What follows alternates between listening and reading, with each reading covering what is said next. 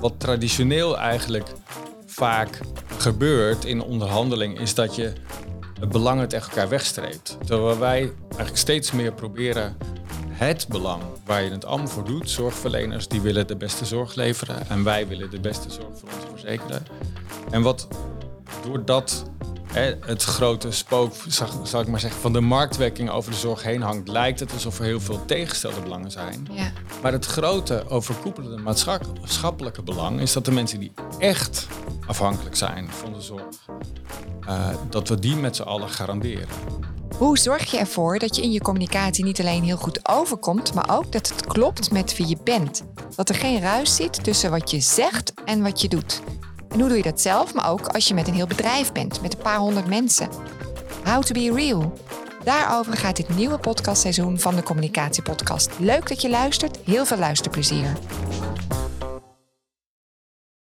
Leuk dat je weer luistert en kijkt naar de Communicatiepodcast. We zitten aan tafel bij Jaap de Bruin. Uh, welkom Jaap, bedankt dat je bij de, ons wil zijn aan tafel. Ja, um, we gaan het natuurlijk hebben over het thema How to be Real. En dan vanuit jouw rol als teamlead engagement bij de coöperatie VGZ, hele mooie zorgverzekeraar.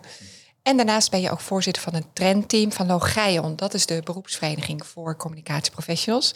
Daar komen we straks op terug, maar we starten even bij jouw rol uh, binnen VGZ. Mm Teamlead engagement. En ik ben benieuwd, wat engage je dan allemaal? Wat is het precies? Nou, engagement gaat letterlijk natuurlijk over betrokkenheid. Uh, betrokkenheid van stakeholders, zoals ze dat uh, uh, in het communicatievak meestal zeggen. Ja. Uh, in de dagelijkse praktijk heb ik het eigenlijk liever over betrokkenen. Dus het gaat over de betrokkenheid van de betrokkenen. Ja. ik ben sinds juli ben ik missieleider, want dat is het eigenlijk missieleider van een team dat bezig is met het opnieuw kijken naar echt de identiteit van onze organisatie als coöperatie, als coöperatie van verzekerden. Ja. Zo zijn we ooit begonnen. En we zijn uh, aan het kijken, eigenlijk aan het herontdekken hoe we de betrokkenheid van die leden kunnen activeren. Dat is mijn hoofdopdracht. Dat is je hoofdrol, een missie. Ja, dat is, dat is echt een missie, zeg maar. Uh, en die missie hebben we gekoppeld aan een belangrijke doelstelling van ons als uh, coöperatie van verzekerden, namelijk Nederland gezonder maken. Dat is ook onderdeel van onze purpose. Onze hele purpose is Nederland gezonder maken voor toekomstbestendige zorg voor iedereen. Um, en dat klinkt als een hele grote maatschappelijke opdracht. En dat is het eigenlijk ook. En die gaat echt verder dan de pure zakelijke rol die we hebben. Namelijk een verzekering geven voor de zorg die ja, mensen ja. Uh, krijgen. Um, en ik doe dat, ik ben missieleider van een tijdelijk team. Dus dat is voor de komende anderhalf, twee jaar. Gaan we kijken of dat allemaal lukt en hoe we dat kunnen doen. Samen met maatschappelijke partners. Maar ik ben uh, als stakeholder manager verbonden aan onze afdeling op het communicatie. Dus Ja. ik ben, hè, dat is mijn thuisbasis binnen de grote organisatie die we zijn. Ik werk bij Corporate Communicatie en Public Affairs. En ik ben eigenlijk uitgeleend als missieleider aan dat team. En je zegt, het gaat over het vergroten van de betrokkenen, betrokkenheid bij eh, jullie leden, Ja. eh, de verzekerden. ja, dat is grappig dat je dat zegt. Het, is, het gaat om onze betrokkenheid bij leden, maar het gaat ook over de betrokkenheid van leden bij ons als organisatie. En, in hoeverre en bij dat hogere doel, hoorde ik je zeggen. Dus Ja, dat exact. eigenlijk echt dat. Ja. Ehm, en hoe ziet het er dan concreet uit? Nou, wat we nu, eh, ons bestuur heeft eh, deze zomer een manifest opgesteld, een manifest voor een gezonder Nederland. Eh, en ze zeggen daarin, we, zouden eigenlijk verder willen gaan dan de pure rol van zorgverzekeraar. We, we hebben in Nederland een aantal zorgverzekeraars die de wet uitvoeren en wij zorgen dat mensen de zorg kunnen- krijgen die ze nodig hebben. Daar mogen ze ook op vertrouwen als ze een verzekering bij ons afsluiten. Ehm, maar we zien tegelijkertijd dat de druk op de zorg enorm toeneemt. Ja. Ehm, eh, er is een personeelstekort. Eh, mensen vragen zich af, kan ik de zorg eigenlijk nog wel krijgen die nodig is? Ja. Dat, geldt, dat zijn nu actuele vragen. Maar in de toekomst is die vraag misschien nog wel veel groter. We worden allemaal ouder, er komen nieuwe technieken. Eh, kun je straks de zorg nog wel krijgen die nodig is? En in het manifest eh, zegt ons bestuur... we geloven erin dat als we er allemaal aan werken... aan onze eigen gezondheid en ons zo gezond mogelijk voelen dat we daarmee een deel van de druk op de zorg kunnen voorkomen. Dus eigenlijk gaat het ook over de vraag: wat kun jij zelf doen om gezonder te zijn, ge- je Ja. gezonder te voelen? En hoe kunnen maatschappelijke partners, bedrijven, het onderwijs daarbij helpen? Dus we willen eigenlijk de komende tijd coalities aangaan met eh, organisaties die die dat ook een belangrijk onderwerp vinden. En die zeggen, wij willen samen met jullie werken aan die collectieve opdracht om Nederland gezonder te maken. Tof. Dus je gaat echt van ziekte naar gezondheid. Ja, absoluut. Die, dat is sowieso een verschuiving die je steeds meer ziet.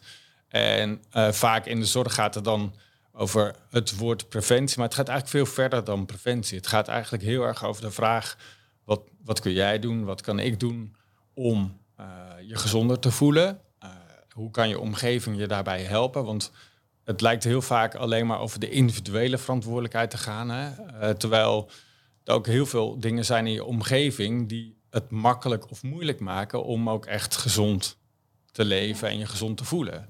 En daar, met name die collectieve kant, daar zijn we met z'n allen naar op zoek. Hoe kun je er nou voor zorgen dat het makkelijker wordt om gezond of zo gezond mogelijk te leven? Want hey, sommige mensen hebben natuurlijk een chronische ziekte of een aandoening of wat dan ook.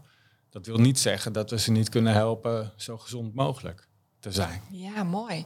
En tegelijkertijd, je hebt als uh, zorgverzekeraar heb je dus die maatschappelijke taak. En jullie doen het ook zonder winstoogmerk. Mm vanwege de coöperatierol natuurlijk. Mm -hmm. um, tegelijkertijd... we hebben dat ook echt niet. Het is, het is misschien wel leuk om te zeggen, want um, er zijn heel veel beelden over zorgverzekeraars. Ja, want daar wou ik zit heen, ook een ja. beetje in het woord verzekeraar. Ja.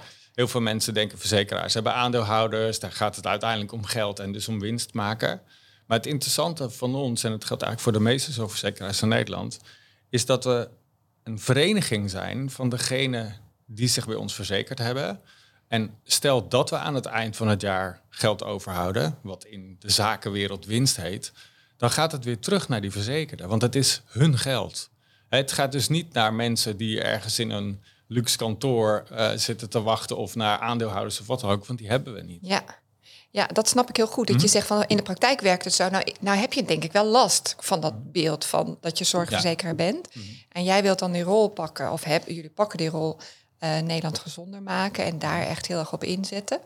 Uh, heb je daar dan last van? En hoe kijken mensen dan naar je? Nou, wat je vooral ziet is dat um, het heeft ook wel een beetje met onbekend maakt onbemind te maken. Voor heel veel mensen is een zorgverzekeraar noodzakelijk kwaad, om Ja. het zo maar te zeggen. Ja. Iedereen moet Ja, premie betalen. Ja, precies. een Het is gewoon je premie, een maandpremie. Ja. Uh, en zolang je niet direct iets, iets hebt, om het zo maar te zeggen, waarvoor je een beroep doen, moet doen op die verzekering, dan voelt het toch vooral als iets waar geld naartoe gaat. ja. Ehm, eh, zoals er heel veel eh, andere dingen zijn, eh, nou, energiemaatschappijen een actueel onderwerp. En zo zijn er nog een paar dingen waar je gewoon nu eenmaal geld aan moet betalen, maar waar het lang niet altijd precies helder is wat je daarvoor terugkrijgt en wat daar de maatschappelijke waarde van is. Ehm, en wat wij eigenlijk proberen te doen, en wat ik de afgelopen acht jaar heb geprobeerd te doen, is veel meer de verbinding aan te gaan met de, met de betrokkenen met wie wij te maken hebben. En nou, dat zijn primair heel veel zorgverleners uh, die voor hun contracten afhankelijk zijn van ons. En wij zijn weer afhankelijk van hen, want de afspraken die we met ze maken en het geld dat naar zorgverleners toe gaat, is geld van onze verzekerden. En onze verzekerden zijn afhankelijk van die afspraken of, de, of ze de zorg kunnen krijgen die ze nodig hebben. Dat is een, een ingewikkeld speelveld.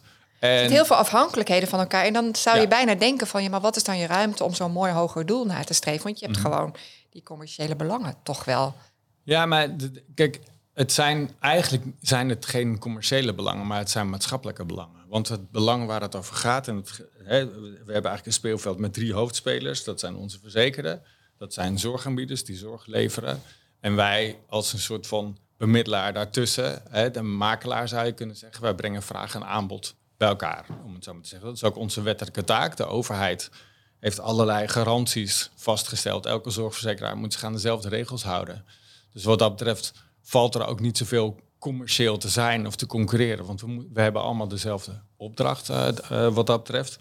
En wat, eh, wat traditioneel eigenlijk vaak gebeurt in onderhandeling... is dat je belangen tegen elkaar wegstreept. Terwijl wij eigenlijk steeds meer proberen het belang waar je het allemaal voor doet. Zorgverleners die willen de beste zorg leveren en wij willen de beste zorg voor onze verzekerden.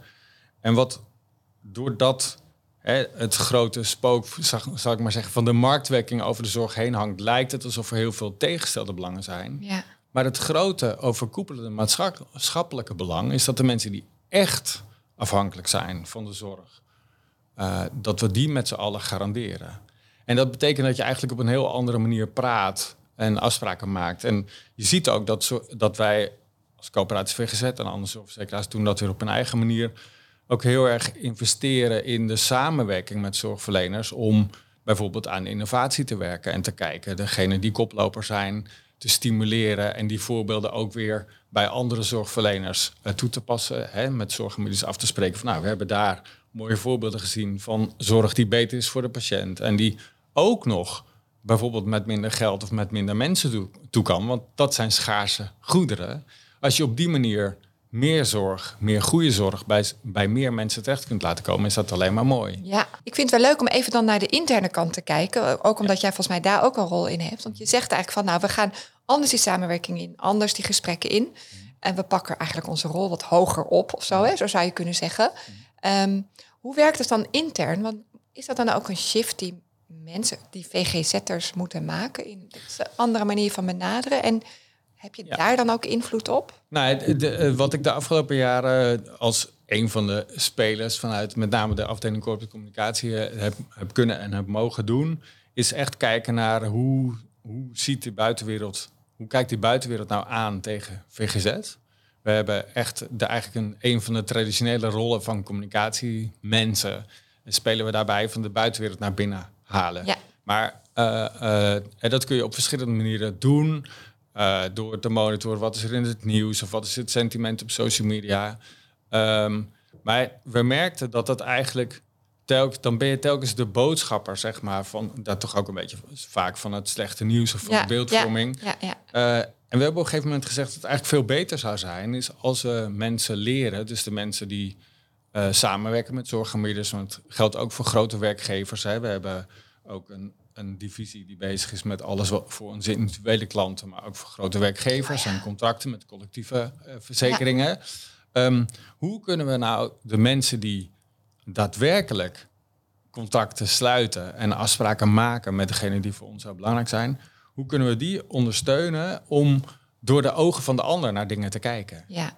Uh, en daarin hebben we echt heel veel geïnvesteerd in ja, wat in het vak heet stakeholder management, maar hè, wat ik dan eigenlijk liever noem het betrekken van betrokkenen. Verdiep je eens in met degene met wie je te maken hebt. Uh, um, en we, het is heel, als je een bepaald beleid hebt, is het heel logisch om te denken: oké, ik ga vooral even vertellen waar ik naartoe wil. Uh, en zo zijn we ook gewend om te communiceren meestal. Dat is in de zakenwereld zo, maar op andere plekken ook. Dat het is, heel verleidelijk, omdat wat, wat in je hoofd zit voor in je hoofd... en wat je, het doel dat je wilt bereiken... om te beginnen om daarover te praten. En je, je denkt dat je dan het verste komt. Uh, en wat wij via workshops en uh, het intervisie... en het delen van ervaringen mensen laten zien... is dat als je begint met de vraag... Hè, met een groot ziekenhuis... wat is voor jullie het belangrijkste knelpunt? En als je daar begint, dan zegt, hé, hey, maar dat sluit heel mooi aan bij doelstellingen die wij hebben in ons zorginkoopbeleid. Als bij jullie het tekort aan personeel in die en die uh, uh, sectoren een belangrijk probleem is, dan kunnen we misschien kijken of we dat hè, kunnen leren van innovaties bij andere uh, ziekenhuizen. En misschien kunnen je daar iets mee. Ja. Hè? Innovaties die zorgen dat je minder personeel nodig hebt om dezelfde zorg te leveren of om andere zorg te leveren. Um, en dan dan heb je een gezamenlijk vertrekpunt. En van daaruit kun je echt ja, verder, dat is verder komen dan dat je eigenlijk van heel ver uit elkaar liggende posities gaat redeneren en zeggen, nou, dit is ons beleid en hoe gaan jullie met ons meedoen? Ja. Is iets heel anders dan wat is jouw knelpunt en hoe kunnen we daaraan bijdragen? Heel erg omgedacht en, en heel erg vraaggericht. Ja. En je zegt dat hebben we gedaan door workshops. Of want ik ben serieus echt wel benieuwd naar die strategie. Want jullie hebben een grote club, 1800 mensen, zei je ja, klopt. net voor dit interview. Mm uh, stuur je die dan allemaal op een workshop of pik je mensen eruit? Of heb je juist weer contact met de, met de leidinggevende? Nou, we zijn eh, de, de, eigenlijk, eigenlijk een beetje van alles, van alles wat, uh, zou ik maar zeggen. We zijn begonnen met die workshops te geven aan mensen die het meest te maken hebben met externe stakeholders, met betrokkenen. Dus dat kan gaan om zorgverleners, uh, dat kan, kan gaan om grote zakelijke contacten. Dus de mensen die het meest die contacten hebben, die hebben als eerste die workshop laten doen. Die hebben ook genoemd speelveld in kaart. Dus het gaat echt over met wie heb je nou eigenlijk allemaal te maken. Vanuit de vraag, en ook vanuit de vraag, wie heeft er invloed op datgene waar jij mee bezig bent? Dus op jouw eigen doel? Want dat staat wel voorop. Het is niet zo dat je gewoon maar in het wilde weg gaat vragen... voor goh, met wie heb je allemaal te maken? Maar je hebt een doel voor ogen of je hebt een belangrijke opdracht als team of afdeling. Wie, welke spelers hebben daar nou invloed op en welke hebben er belang bij? Dus voor Ja. wie doe je het eigenlijk? Ehm, en wat je ziet is dat door mensen dat actief in kaart te laten brengen, dan ontstaat er echt iets anders dan eh, puur papieren beleid. Ja. En zeggen we gaan dit of dat eh, bereiken. Dan gaat het leven door eigenlijk Ze gaan het te maken van met wie heb je eigenlijk te maken, wordt het een verhaal in plaats van papieren beleid. En dan eh, is het ook veel makkelijker om je te realiseren dat er soms eh, gevoeligheden zijn waar je rekening mee moet houden en waar je op voorbereid moet zijn. Het is, ik merk dat we zijn uiteindelijk, we zijn weliswaar een maatschappelijke coöperatie met een mooi maatschappelijk doel, maar we zijn ook een systeemspeler. We voeren de wet uit en dat heeft te maken met allerlei dilemma's en processen, procedures waar we ons ook aan moeten houden. En voor je het weet, eh, ben je vooral een systeemspeler en met elkaar bezig vanuit georganiseerd wantrouwen dingen te organiseren in plaats van uit de gedachte hoe kunnen we nou samen het verst komen. Eh, en eigenlijk proberen we dat een beetje ja, meer bij elkaar te brengen. Hoe Ja. je de menselijkheid en systeemwereld dichter bij elkaar kunt brengen. Mooi. En, en mensen echt het laten ervaren door zo'n workshop. Door, Ja. En zo langzamerhand, kan me zo voorstellen... eerst begin je met de spelers die echt het contact hebben... Mhm. met, de, met de partijen en dan Ja. zijpelt het door in je club. Precies, en wat we ook doen, mensen die daar mooie ervaring mee hebben, hè, waardoor ze op een andere manier hun resultaten bereiken, doordat ze meer op, op een ja, holistische manier naar hun speelveld kijken. Om een heel een simpel voorbeeld te geven, ehm, onze zorginkopers, dus degene die, die beleid ontwikkelen voor verschillende zorgsoorten, ehm, die zijn natuurlijk toch gewend om vooral naar hun eigen zorgsoort te kijken. Maar soms is er samenhang of effect op andere zorgverleners. Noem het maar. Als je Ehm, wij zijn op een gegeven moment bezig geweest om de laboratoria die eh, onderzoeken in, op aanvraag van huisartsen uitvoeren, om die laboratoria op een andere manier te contracteren. En dan is het heel verleidelijk om vooral na te denken over wat is het effect op die laboratoria. En die laboratoria zijn soms bij ziekenhuizen. Eh, alleen een heel belangrijke groep die, waar, die in eerste instantie niet in beeld was, waren de huisartsen die die onderzoek moesten aanvragen. Ja. En het helpt gewoon heel erg om echt door te denken: oké, we hebben te maken met laboratoria. Hun belangrijke stakeholders zijn ziekenhuizen, maar ook de huisartsen. En sterker nog, patiënten voor wie die huisartsen eh, onderzoek aanvragen. En als je op zo'n manier afpelt met wie je eigenlijk te maken hebt, dan komen er vaak ook perspectieven bij waarvan je denkt: hé, hey, het is wel belangrijk om daar rekening mee te houden. Ja.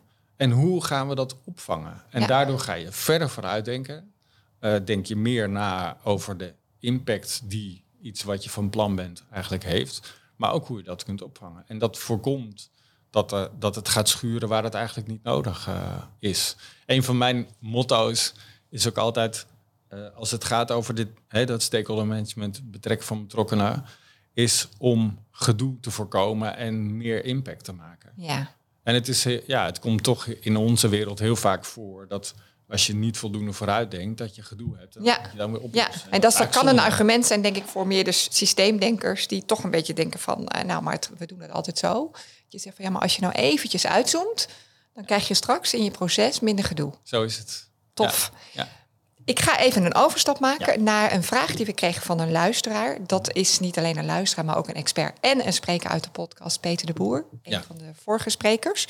En dat gaat een beetje over die buitenwereld naar binnen halen. Wat jij net al zei, van je kijkt hoger, maar je kijkt dus ook veel meer naar buiten van wat speelt er, wat leeft er in deze samenleving. Hoe zorgen we ervoor dat we met z'n allen langer gezond blijven? Ehm, daar gaat deze vraag eigenlijk ook over. Dus ik pak hem er even bij. Met mijn telefoontje. En dan, als het goed is, eh, horen we hem nu. Goedemorgen Jaap. Als voormalig verzekeraar van Onna Onna vind ik het leuk jou een vraag te mogen stellen. Korte inleiding.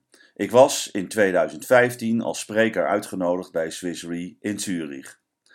Met mij waren er twee Harvard medische wetenschappers die een longitudinale studie hadden verricht naar de levensverwachting van de westerse mens. Het antwoord veroorzaakte turbulentie in het gehoor van vele verzekeraars die waren uitgenodigd. Die levensverwachting namelijk ligt op 125 jaar. En de boodschap werd aangevuld met het feit dat er al duizenden, zo niet inmiddels tienduizenden zijn, die rondlopen en die deze leeftijd gaan bereiken. Wat doet dit wetenschappelijke feit met de strategische scenario's van een partij als VGZ in termen van een gewaarschuwd mens telt voor twee? Ja, mooie vraag natuurlijk. En ik denk dat het goed is om even hoe, hoe, hoe we hem gaan beantwoorden. Ja. Je kan heel kort even iets misschien over de inhoud zeggen. Maar misschien kunnen we hem dan ook vooral gebruiken als soort van voorbeeld. Van nou, dit feit komt voorbij. En hoe ga je er nou mee om in je organisatie? Het blijft een beetje de communicatiepodcast natuurlijk. Ja, ja. Eh, maar dit is dus, nou ja, een heel belangrijk groot feit. Hoe, hoe ga je er nou mee om als VGZ? Nou, het grappige is, ik, ik, het precieze feit dat, eh, dat Peter hier schetst, kende ik eigenlijk niet. Ik had, ik had er geen voorstelling van. Had jij daar een voorstelling van? Nee. Dat er tienduizend mensen zijn die nu al Nou ja, de ik, kans hebben dat ze zo oud worden. Dat, ik wist dat nou ja je kunt niet. het wel een beetje uitrekenen. eh, Want er zijn wel nieuwtjes over. We worden met z'n allen steeds ouder. Maar ik had het me nooit zo gerealiseerd. Precies. Maar het interessante eigenlijk, de manier waarop wij daarnaar kijken, is ook, ook weer vanuit die maatschappelijke rol. Of mensen nou 100 worden of 125. Wat interessant is om te weten, is hoeveel van de jaren ze in goede gezondheid doorbrengen. Of, eh, eh, of dat ze ziek zijn. Eh, door wat voor. Het, hoe oud mensen worden, de hoe oud mensen worden, maakt eigenlijk niet zoveel uit. Maar als ze dat in, in ongezonde staat doen of dat ze zich niet lekker voelen, dan komen de maatschappelijke kosten pas echt. Maar ook kosten voor jullie als verzekeraar. Waar je En misschien ook- helemaal niet op gerekend hebt. voor- ja, kosten, maar niet alleen voor ons als verzekeraar. Dat zijn, dat zijn uiteindelijk maatschappelijke kosten die we met z'n allen Ja. moeten eh, dragen. En het raakt heel erg aan de manier waarop wij überhaupt proberen naar de wereld om ons heen te kijken, naar ons speelveld, welke belangen spelen welke nieuwe ontwikkelingen.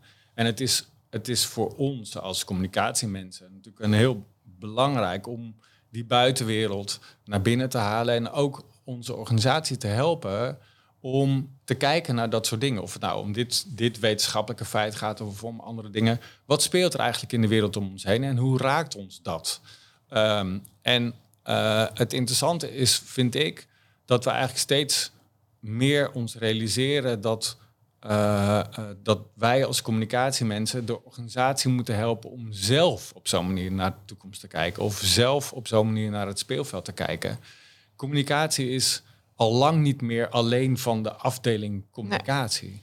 Dus wij, de- ik denk dat wij als communicatieprofessionals ook steeds vaker de coach en adviseur worden van anderen die niet primair communicatie in hun eh, eh, taakomschrijving hebben, zal ik maar zeggen. Of onder, zeker geen, geen medewerker van de afdeling communicatie, maar die communicatie inzet als een van de tools die ze nodig hebben om hun doelen te bereiken. Ja, ja. En dat, is, dat vind ik een interessante beweging als je kijkt naar ons vak. Dat eh, ehm, we zijn al lang niet meer de afdeling waar je een foldertje bestelt, om het Nee. zo maar te zeggen. Nee. Maar we zijn echt adviseur op verschillende niveaus, op het uitvoerend niveau. Hè. Die, die teams die gewoon hun eigen speelveld in kaart brengen, is daar een voorbeeld van. Maar op strategisch niveau met ons bestuur hebben we het ook over hoe kunnen we er nou voor zorgen dat blinde vlekken die we hebben, dat we, de- dat we die inkleuren. En Ja. wij doen dat de afgelopen tijd, hebben we dat bijvoorbeeld gedaan. En onze CEO is daar een warm pleitbezorger van. Met dialoogtafels, dat zijn in besloten setting. We kijken dan welke spelers zijn er, welke mensen kennen we eigenlijk nog niet zo goed. Laten we die bij elkaar halen en laten praten over een groot maatschappelijk onderwerp. Dat levert ons als organisatie, maar onze CEO of andere bestuurders ook nieuwe inzichten en verhalen en gezichten bij de dingen waar we mee bezig zijn. En dat is zo ontzettend belangrijk dat je gevoel krijgt voor wat speelt er eigenlijk in Ja. de wereld om ons heen en Ja. hoe moeten wij ons daartoe verhouden. En het, wat, ik, hè, wat ik net zei, die verschillen in eh, gezondheid, bijvoorbeeld tussen verschillende groepen en de levensverwachting die je hebt, is een van de onderwerpen die daardoor het afgelopen jaar bij ons veel hoger op de agenda is gekomen. Hè, we hadden eh, onlangs hadden we eh, een debat bij ons in de campus, in debat bij VGZ, en dat ging over het verkleinen van gezondheidsverschillen. En daar waren mensen vanuit allerlei invalshoeken bij elkaar in gesprek over wat kun je nou doen en wie hebben ermee te maken dat er, dat er bepaalde eh, bevolkingsgroepen zijn die gewoon minder kans hebben om zo lang mogelijk in goede gezondheid te leven. Waar heeft Ja. het mee te maken? Ja. Heeft te maken met laaggeletterdheid. Het heeft met de sociaal-economische positie te maken. Vaak ook met mentale weerbaarheid. Als mensen schulden hebben, uh, dan, dan levert dat heel veel stress op, waardoor ze gewoon minder gezond zijn op allerlei manieren. Dus wat kun je eraan doen om dat soort maatschappelijke factoren aan te pakken? En daarvan worden mensen gezonder. Ja. Nou, over dat soort dingen, dat is echt super belangrijk, denk ik, dat wij als maatschappelijke speler dat soort dingen blijven doen. En niet alleen maar puur vanuit je meerjaren strategiebeleid denkt, maar ook telkens weer opnieuw. Telkens weer ophalen van buiten naar binnen. Uh, ja, en nadenkt over welke impact maken wij, maar ook welke impact hebben wij op het leven van mensen en waar moeten we misschien anders in handelen. Ja, dat is wel mooi hoor wat je zegt, want tegelijkertijd denk je wel van oké, dan heb je dialoogtafels, maar hoe krijg je het nou echt dat er ook echt iets gaat veranderen, niet alleen praten over, maar het is ook wel denk ik al communicerend ontwikkel je, hè? Is ja, maar dat de visie ik, ik, ik, ik luisterde ook de podcast met jou. Uh, oh ja. Uh, um, en jij zei daarin dat, je, dat een van je doelen, bedoelingen is om te verbinden. Ja. En wat ik, wat ik met de lounges onder andere. Precies, maar wat, wat wij, wij met de dialoogtafels doen, is ook tijd voor reflectie maken. Ja. Reflectie op de invloed die je met elkaar hebt op het speelveld. Hè. Wij halen dus gemeenten, huisartsen, mensen die met gewoon met de financiële planning van de zorg bezig zijn, allemaal bij elkaar om te hebben over zo'n onderwerp. Maar ook mensen zelf die ervaren hebben hoe erg het is als je analfabeet bent en sommige formulieren niet kunt invullen, waardoor je niet in aanmerking komt voor bepaalde voorzieningen. En door dat gesprek te voeren, ontstaat er een totaal andere energie. En daar, daarbij zijn dus niet alleen maar de beslissers, maar ook gewoon individuele collega's van VGZ bij, die ook deelnemen aan dat gesprek en mensen van buiten. En dan ontstaat er eigenlijk als vanzelf een gevoel, ja, maar dit kunnen we toch niet zo laten voortduren. Dus wat kunnen we doen om dit soort knelpunten op te lossen? Ja. Dus het gaat veel verder dan alleen maar het gesprek voeren vanuit verschillende invalshoeken. Maar het is echt, het zet aan tot actie. Ja, dat, hè? Super mooi. Maar dat hoop je heel erg. Dat is grappig dat je dat noemt. Dat voorbeeld van uh, de communicatielounge waar ik over gesproken mhm. heb in de podcast. Twee of drie afleveringen hiervoor. Wat vind je er zelf van? Um, waarin ik eigenlijk zeg van nou, we zitten als land in een communicatiecrisis, we mogen veel meer met elkaar in verbinding komen. En ik nou als kleine speler wil daar ook een bijdrage aan leveren met het organiseren van een soort van kleine netwerkbijeenkomsten. Maar wat jij nu zegt, hè, toch puzzelt mij dat wel. Van ja, dan gaan we dus met elkaar in gesprek. In, in dit geval bij mij in de lounge. Maar hoe zorg je nou dat er echt iets gaat gebeuren? Is dat niet iets wat jou ook bezighoudt? Van ja, maar je kan. Hoe komt die actie dan? Moet je daar dan toch nog soort van de regie opneem? Of zeg je van nee, we moeten achteroverleunen en, en het laten gebeuren? Maar, maar nou, zijn we dan niet te laat? Nee, maar wat ik veel zie is dat als je echt spelers vanuit verschillende invalshoeken bij elkaar brengt, uh, die wel te maken hebben met eenzelfde onderwerp, dat de actie eigenlijk als vanzelf komt bovendrijven. Dat, ja. dat er inzicht ontstaat, hé, hey, maar jij hebt te maken met hetzelfde vraagstuk, alleen vanuit een andere invalshoek. Maar het overstijgende belang is bijvoorbeeld van die groep patiënten uh, of zorgvragers die in een achterstandssituatie zitten. Hoe kunnen we die nou helpen? En het leidt, ik zag, zag het de laatste keer, het leidt gewoon tot mensen die elkaar opzoeken en zeggen: hé, hey, maar ik hoorde jou dat zeggen net. Kunnen wij daar samen niet iets mee? Ja, dat is heel mooi. Dat is echt. Uh, en ja, je, we zijn met z'n allen, denk ik, wel heel vaak geneigd om te blijven hangen in beelden die we van elkaar hebben zonder het echte gesprek op te zoeken. En dat is doodzonde. Daardoor blijven er heel veel kansen liggen. Heel mooi. Ja. Ik kan me voorstellen dat voor jou ook echt de vrucht op je werk. Hè? Dat je, ja, oh, nu dit, hier doe ik het voor. Fantastisch. Ja. Um, we gaan naar een andere rol van jou. Die van uh, voorzitter trendteam van ja. Logion. Uh, dat doen we heel kort, want we zitten een beetje aan het eind van de podcast. Maar ik hoop dat jullie erbij blijven. En het is ook gewoon heel interessant. Zeker, we zitten nu aan het eind van het jaar. Uh, misschien luisteren de, mensen deze podcast wel in hun kerstvakantie. En jij hebt met een uh, groep mensen vanuit onze beroepsvereniging onderzocht wat de communicatietrends zijn voor 2022 2023 Ja. Zou je ze heel kort eerst even willen noemen? Wat, wat zijn de trends? Ja, we hebben, we hebben vier trends naar boven gehaald. En je moet je realiseren, we hebben die, het zijn communicatietrends, dus trends die we zien in het vak, maar die passen binnen een grotere maatschappelijke context van chaos, een, uh, crisis, klimaatcrisis, energiecrisis, noem maar op. eh, eh, een vertrouwenscrisis in de grote instellingen. En daaruit hebben we eigenlijk vier trends gedestilleerd waarvan we zeggen die zijn relevant voor professionals die bezig zijn en zichzelf willen verbeteren of willen reflecteren op het vak.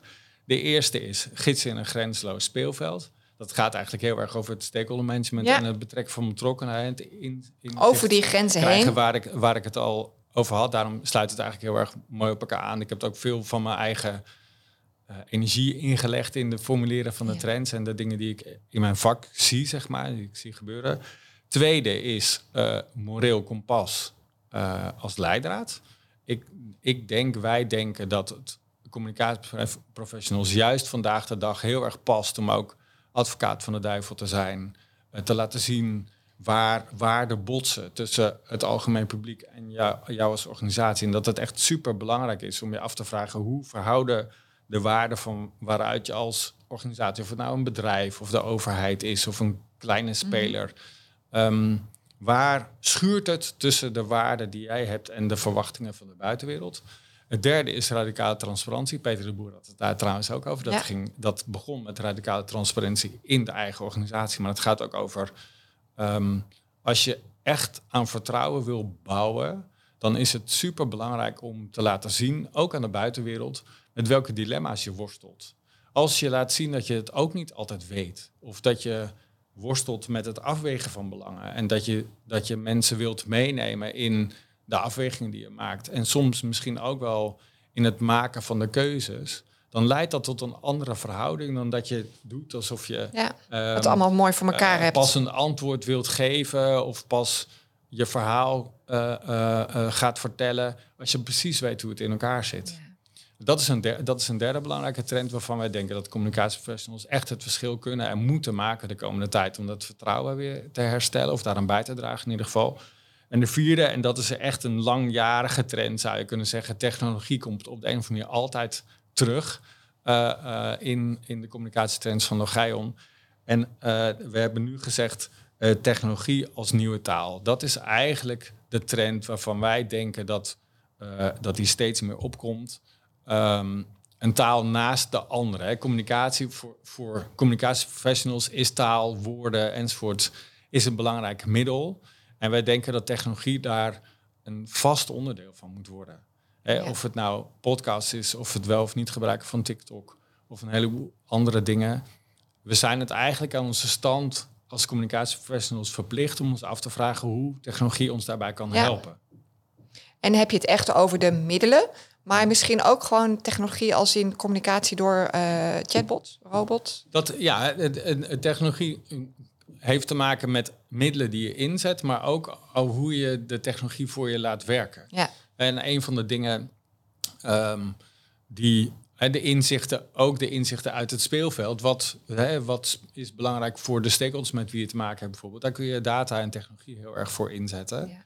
Ehm, maar ook voor het, voor het gemak, vergemakkelijken van de communicatie. ja. Ehm, en het grappige is, de vier trends waar ik het over heb, die, die, eh, eh, die werken ook op elkaar in. Want technologie, tot waar zet je die toe? En dan is het te belangrijk om dat model kompas weer als leider Ja, te hebben. ja, zeker. Hoe ver kun of wil je gaan? Dus we hebben geprobeerd met die trends eigenlijk te zeggen tegen onszelf en tegen onze vakgenoten. Welke positie kies je eigenlijk als communicatieprofessional? En waar, met welke dingen heb je rekening te houden? Maar ook hoe kun je je organisatie of je opdrachtgevers helpen om meer die verbinding te maken met degene met wie je uiteindelijk samen je doelen Ja. bereiken. Ja. ja, want het is nog best wel misschien lastig voor je als communicatieprofessional om dit dan praktisch te maken. Dus je hebt die grote trends, je zult je erin herkennen.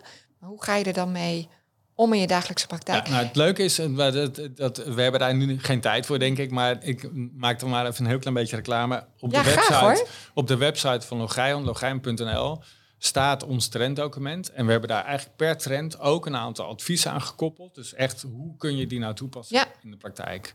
En we willen ook heel graag de komende tijd dat gesprek voeren met mensen uit het vak. Dus het komend jaar eh, gaan we samen met Logion inspiratiebijeenkomsten organiseren. Mooi. Waar we telkens een trend uitlichten. Het hebben over praktijkcasussen. eh, En dan echt met elkaar verkennen hoe kun je dat Ja. nou het beste toepassen. Ja, dat hoopte ik al. Dat je Ja. inderdaad ook een soort van workshop-achtige Ja, setting. precies, Dus ja. op het moment, dus we gaan naar logion.nl en dan trends of zo Ja, zoeken. Zo is het. Daar kan je hem downloaden. Dus nu al in je kerstvakantie downloaden en er eens doorheen lezen. En, en, en daar is ook een overzichtje van waar mensen aan deel kunnen nemen. Ja, de, de, de, volgens mij zijn nog niet alle bijeenkomsten voor het komend jaar gepland, maar dat, die staan allemaal Ja, in de heel agenda. interessant. Dus, Ik ga zeker zelf ook eh, komen. Echt interessant.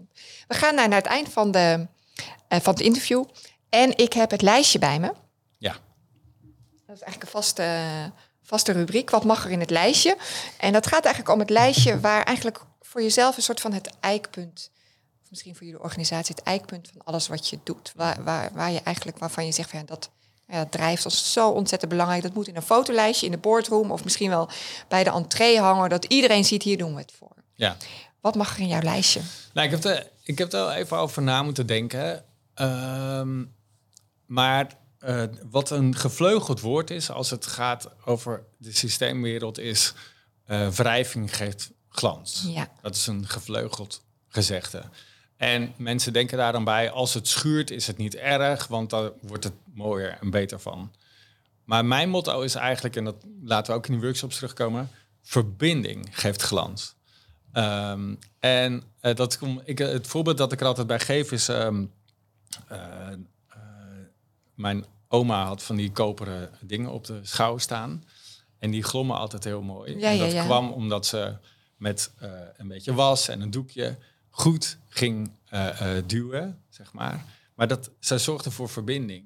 Eh, en dus die verbinding geeft glans. Dat is eigenlijk wat ik mensen eh, toewens. Eh, zoek contact, eh, verdiep je in de verschillende perspectieven.